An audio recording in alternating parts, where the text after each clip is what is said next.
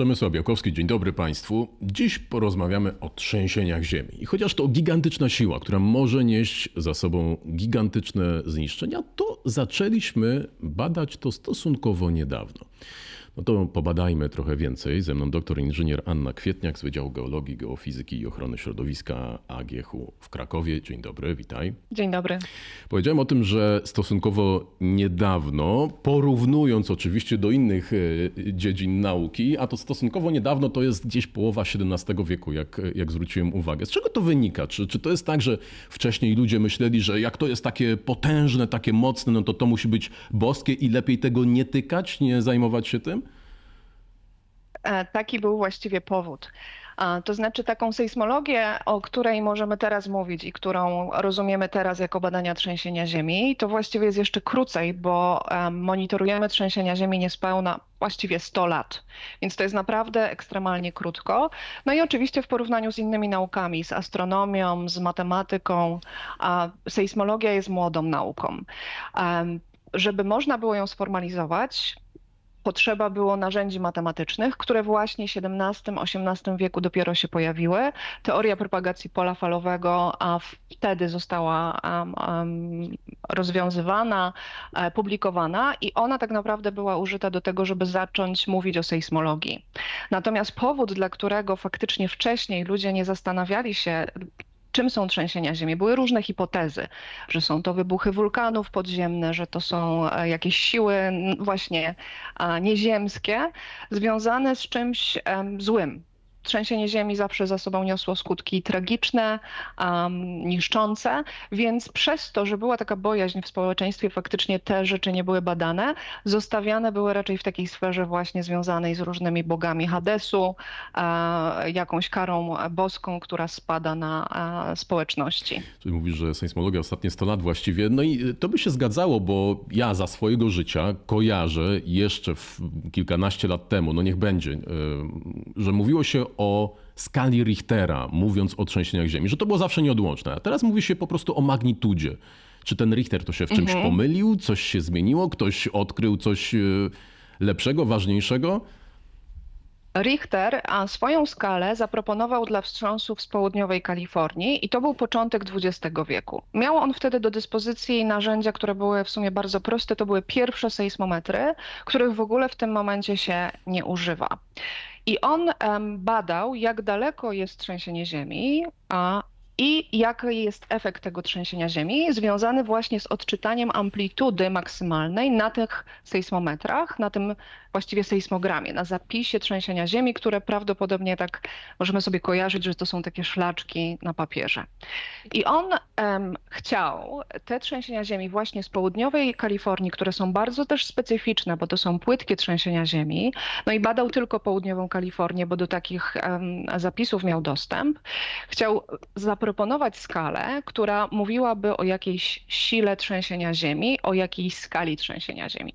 Więc mając te dane, po prostu próbował różne podziałki, tak przesuwał na niej elementy na tych podziałkach, aż dla większości wstrząsów mu się to zgodziło i zaproponował właśnie skalę Richtera. Natomiast pomysł, można powiedzieć, jest bardzo uniwersalny, bardzo dobry i ta skala zaczęła bardzo e, jakby zakorzeniła się znowu w naszej kolektywnej świadomości, ponieważ ona bardzo dobrze pokazuje zmienność e, tej siły skali trzęsienia Ziemi ale kiedy sejsmologia się rozwijała i kiedy nowe sejsmometry, bardziej nowoczesne, zaczęły być umieszczane w różnych miejscach na Ziemi, to okazało się, że ta skala Richtera, ona bardzo dobrze mówi nam i pokazuje mm, tą skalę dla wstrząsów średnich. Natomiast jeżeli mamy małe wstrząsy i wyższe wstrząsy, to ta skala się rozjeżdża. Natomiast i, i w ogóle oprócz tego e, już nikt nie bada, nie używa w ogóle tych e, sejsmometrów, które używał Richter. To były sejsmometry Wooda Andersona, które one wchodziły w rezonans, one były mechaniczne. Teraz używamy nowoczesnych czujników. No i dla tych czujników ta skala po prostu już nie może być wprost zastosowana. Natomiast ona się tak zakorzeniła znowu, że magnituda jako parametr dalej jej używamy i skala magnitudy jest podobna do skali Richtera w tym kontekście, że jeżeli mówimy o tych wartościach środkowych w tej skali, to ona się dobrze zgadza i właściwie powiedzenie Richtera nie jest takim dużym błędem. Natomiast w tym momencie ta skala jest e, dorównana do skali Richtera, który wprost opisuje, co się dzieje w trzęsieniu ziemi. Więc prawidłowo moglibyśmy powiedzieć, że skala magnitudy jest magnitudą momentu sejsmicznego i ona nie ma żadnych jednostek i ona w większości przypadków w środkowych swoich zakresach będzie zgodna ze skalą Richtera. Zresztą we wzorze na magnitudę momentu sejsmicznego są różne parametry liczbowe właśnie, żeby się dorównać do tej e, skali Richtera. Natomiast skala Richtera ma taki charakter lokalny, skala momentu sejsmicznego już jest e, bardzo dobrze przemyślaną skalą w której mamy ten parametr fizyczny. Okej, okay, no czyli to takie wielkie faux pas mhm. nie będzie powiedzieć dalej o skali Richtera.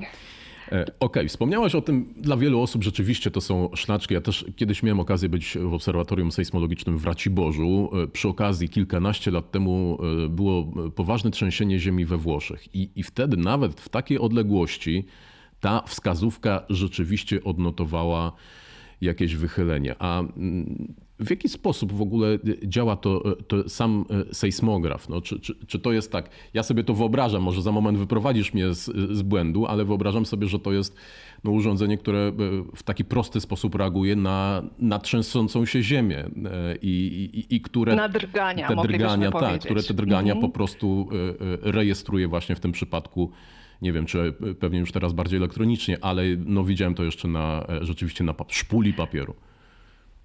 Jasne.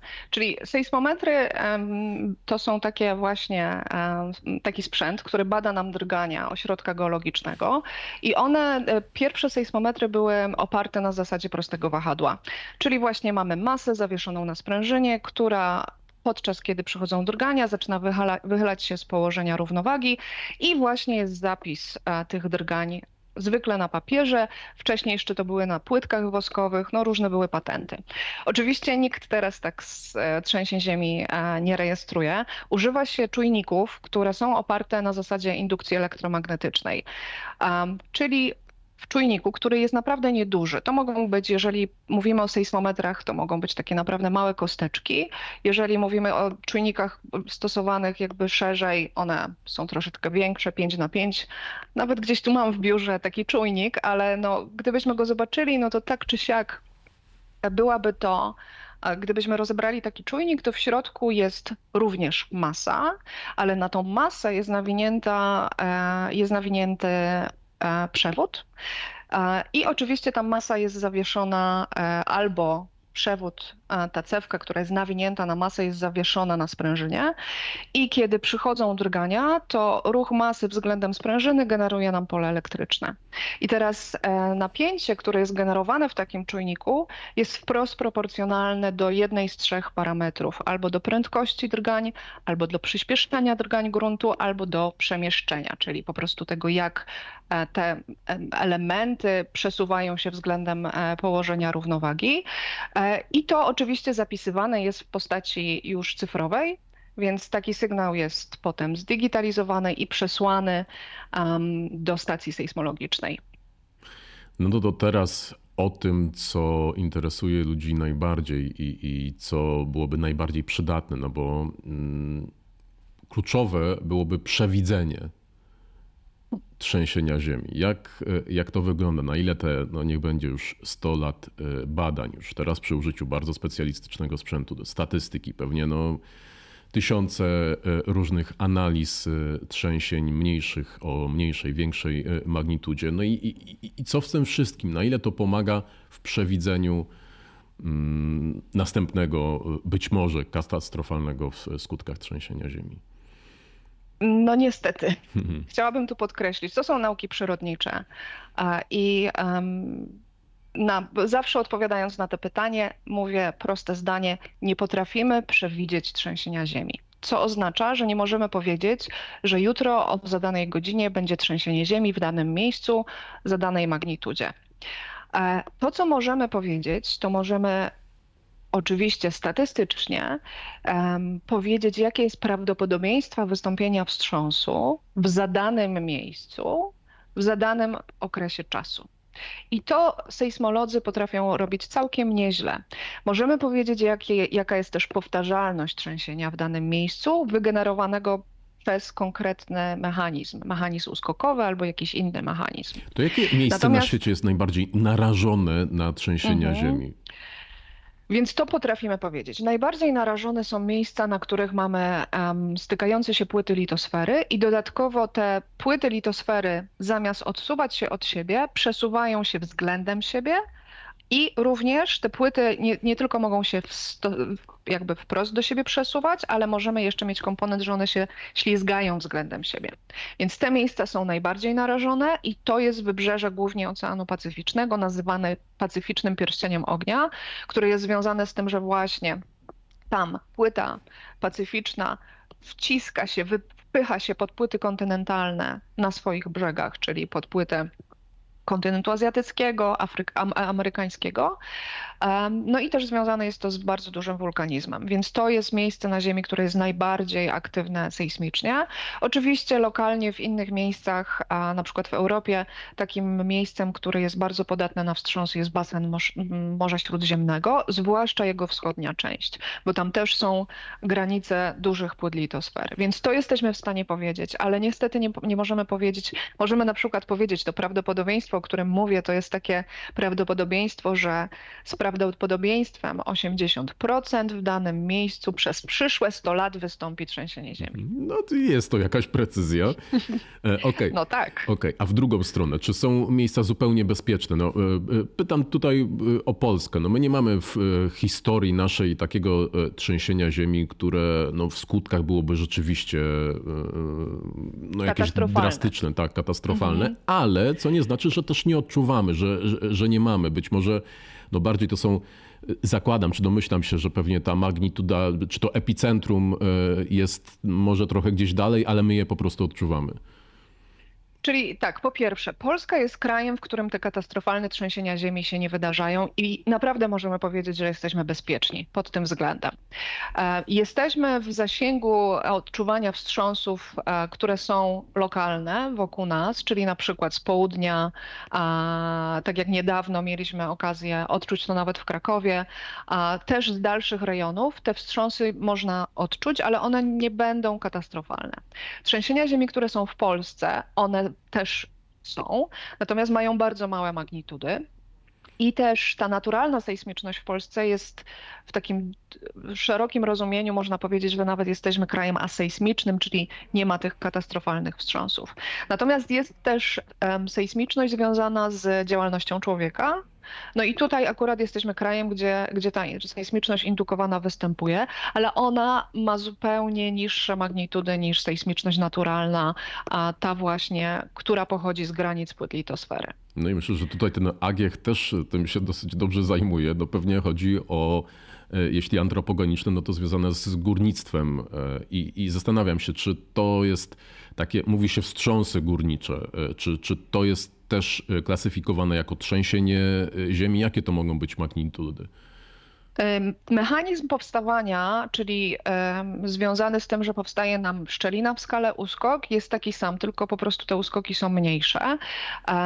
W sejsmologii górniczej często posługujemy się nie magnitudą, bo ona by była wtedy bardzo malutka, a nawet ujemna.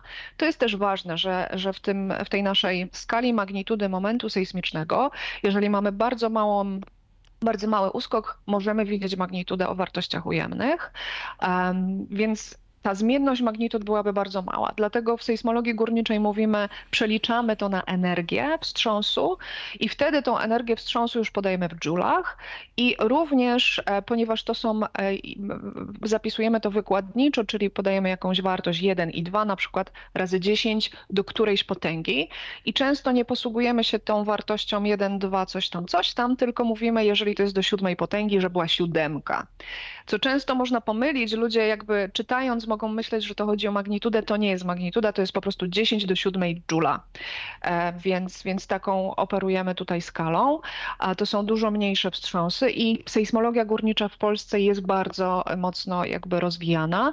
Głównym takim ośrodkiem, gdzie jest rozwijana jest Polska Akademia Nauk, Instytut um, Geofizyki, Zakład Sejsmologii się tym zajmuje od lat i e, tam pracują naukowcy, którzy mają doskonały kontakt z przemysłem. I w kopalniach większość kopalni ma swoje sieci sejsmologiczne, ma swoich geofizyków, którzy w danej kopalni są odpowiedzialni za właśnie monitorowanie tych wstrząsów górniczych. Mhm. Różnica jest jeszcze pewnie taka, że w przypadku tych wstrząsów e, górniczych skutki są trochę inne, bo o ile wspomniałaś, no sama magnituda, czy też magnituda ujemna, no, e, e, ta, ta energia nie jest tak ogromna i, i, i, te szkody na powierzchni nie są tak duże, ale mogą powstawać na przykład zapadliska. No niedawno, zresztą pewnie no wciąż jest ten problem okolice Trzebini między Górnym Śląskiem a, a, a Krakowem no, ten teren pokazuje, jak e, niebezpieczne to może być e, dla człowieka. A zastanawiam się, czy, e, bo od razu zapytam, odniosę się, zastanawiam się, czy w przypadku tej, no nazwijmy to klasycznej sejsmologii, klasycznych trzęsień ziemi, czy też zdarza się często, że powstają jakieś wielkie wyrwy, czy powstają po prostu, no mówiąc kolokwialnie, dziury w ziemi. E, no tak. To znaczy, my na szczęście tego nie widzimy, bo tak jak mówię, jesteśmy naprawdę krajem bezpiecznym pod tym względem. Um, oczywiście, jeżeli chodzi o sejsmologię górniczą i te potocznie mówimy szkody górnicze, to są takie efekty, że właśnie popękał tynk, czasami framugi przesuwały się w drzwiach, więc to są takie efekty. Oczywiście sprawa tych zapadlisk na, teraz na terenach pogórniczych jest też związana z tym, że kopalnie przestają działać i kiedy mamy ten moment, kiedy jest zmiana jakaś w ośrodku geologicznym, zaprzestana jest e, eksploatacja, która trwała lata, no to ośrodek geologiczny pracuje i stąd właśnie te, te zapadliska. I oczywiście skutki takie makrosejsmiczne, to się nazywa fachowo, to są wszystkie skutki, które możemy zobaczyć. Więc jeżeli chodzi o duże trzęsienia ziemi, tych skutków jest naprawdę bardzo dużo. Są, powstają skarpy na powierzchni, przesunięcia, e, powstają leje. Może być też tak przy dużych trzęsieniach ziemi, że drgania gruntu są tak silne, że następuje taki efekt upłynnienia gruntu. Można to sobie nawet wygooglać, zobaczyć gdzieś w internecie. Efektem tego może być to, że na przykład pół budynku tak jakby zapadło się e, pod ziemię, przez to, że grunt, który był stały, podczas wstrząsów, podczas drgania zaczął mieć charakterystykę jak płyn. I często jest też tak, że samochody mogą powpadać w takie miejsca. To się dzieje przy dużych trzęsieniach ziemi, przy dużych, e, dużych częstotliwościach, więc tych efektów na powierzchni jest bardzo dużo, ale też są wstrząsy, których w ogóle efektów nie zobaczymy na, na powierzchni ziemi. Czyli na szczęście te wstrząsy, które się wydarzają w naszym kraju, wokół nas, to są często wstrząsy, których właśnie efektów nie widzimy na powierzchni. No i właściwie cieszmy się z tego, no bo znaczy to, że to są małe wstrząsy. Mhm. A na ile w tych krajach najbardziej narażonych? No nie wiem, pierwsza pewnie na myśl przychodzi Japonia, e, w której w której do trzęsień ziemi e, dochodzi dosyć często i, i, my mamy takie obrazki e, gdzieś nawet, nie wiem, z monitoringu w biurowcach, no to, to robi bardzo duże wrażenie, ale też no, zakładam, że tam zupełnie inaczej podchodzi się do projektowania budynków, że, że to nie jest taka, taka, taka budowa jak w innych częściach asejsmicznych świata, jak, jak w Polsce. Oczywiście, to znaczy to jest e, to, jak drgania przenoszą się na budynki, jest właściwie całym, e, całą dziedziną samą w sobie. E, w rejonach, gdzie są trzęsienia ziemi, są bardzo, e, bardzo jasne zasady i bardzo restrykcyjne zasady, jak budować budynki, żeby były odporne na trzęsienia ziemi. W niektórych miejscach, na przykład w Kalifornii chociażby, metodą w latach tam 50., 60. było to, żeby nie budować wysokich budynków, żeby nie budować też autostrad, które są wysokie, bez tych właśnie e, skrzyżowań na różnych poziomach i żeby wszystkie budynki były niskie. Japonia nie może sobie na to pozwolić do końca, no bo ma bardzo mało terenów, w związku z tym muszą budować wysokie budynki i oczywiście te budynki są tak budowane, żeby były odporne na wstrząsy, co nie oznacza, że one nie będą pracować przy wstrząsach, bo nam się kojarzy, że odporne to znaczy takie, które nie będą Sztywne, się kołysać, a tak właśnie wydaje, jest, jest na odwrót. One Mhm. nie mogą być właśnie sztywne, e, dlatego że żeby trzęsienie ziemi pokołysało nimi jak drzewem, ale jednak e, nie niszczyło. Natomiast w Europie, w Unii Europejskiej e, również są wytyczne dla budowania e, na terenach sejsmicznych. To, się to są różne kody europejskie i kod ósmy odpowiada, opisuje właśnie jak, e, jak te budynki mają być konstruowane w terenach sejsmicznych. Więc, więc Europa jakby też takie, takie prawo wdraża. E, My w Polsce też mamy prawo związane, oparte na normach, które, na normach budowlanych, które mówią o tym, jak budynki mają być budowane, żeby były odporne na drgania, ale nie podaje, no- te normy nie podają jakby źródła drgania. E, No, niemniej jednak takie dwie normy są, e, które można stosować przy, e, przy właśnie dużych inwestycjach, ale też w inwestycjach kluczowych, strategicznych, takich jak mosty, estakady, tunele, elektrownie, elektrownie jądrowe, należy e, również no, badać ten hazard sejsmiczny, czyli właśnie p- próbować oszacować, jakiego typu drgania mogą zaistnieć w danej lokalizacji. Mówiliśmy o wysokich budynkach, to spójrzmy jeszcze trochę wyżej. Czy na Księżycu są też trzęsienia ziemi?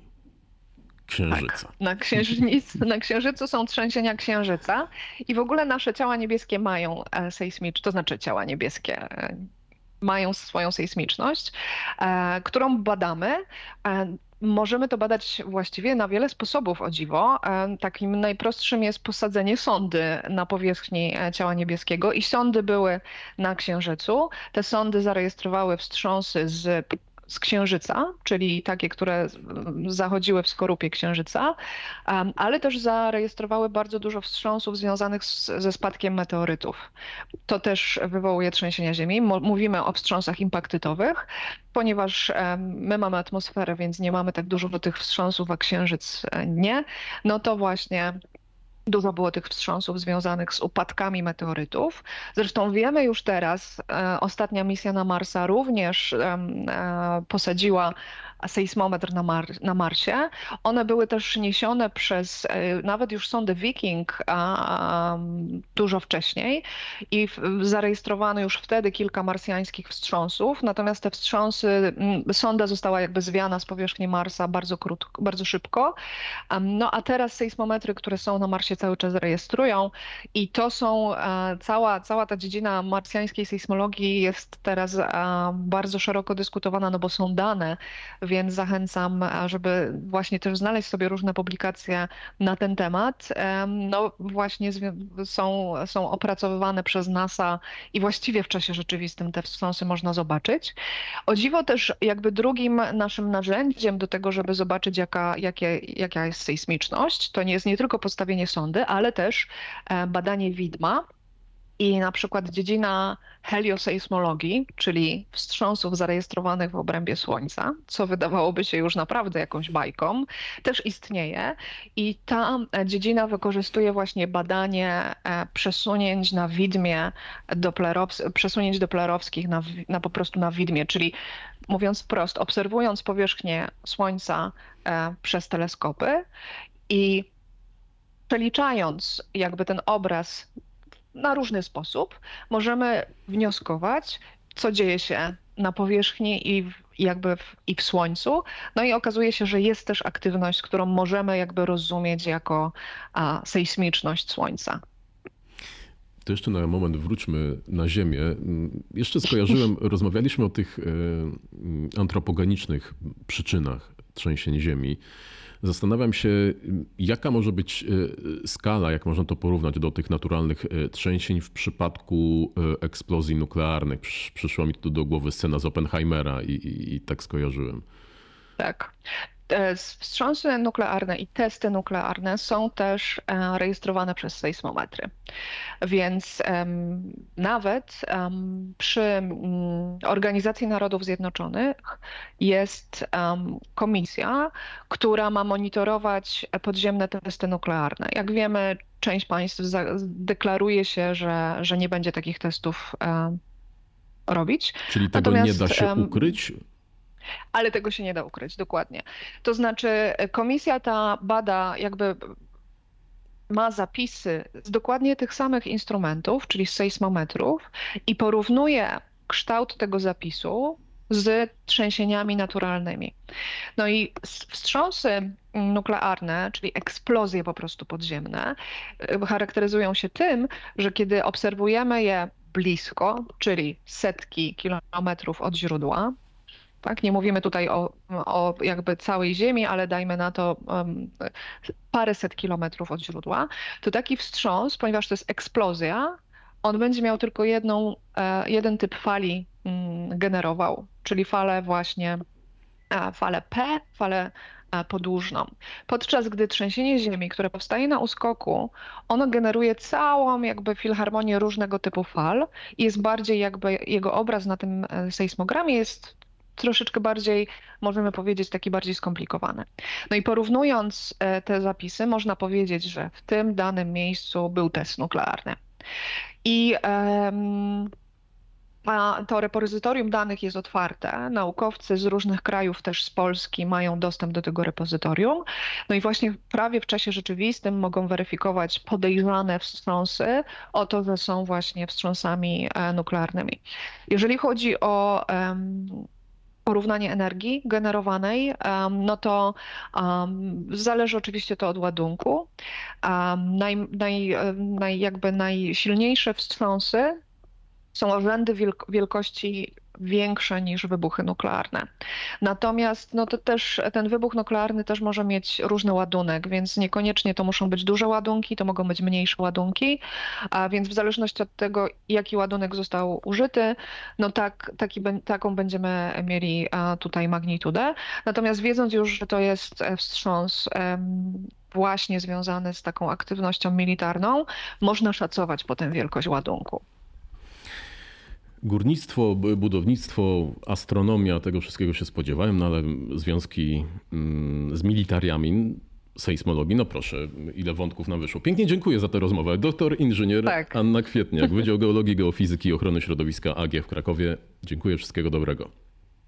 Dziękuję również. Państwu też dziękuję, zapraszam i zachęcam do oglądania kolejnych odcinków wideokastu Zielona Interi. Ja nazywam się Przemek Miałkowski. Do widzenia, do zobaczenia.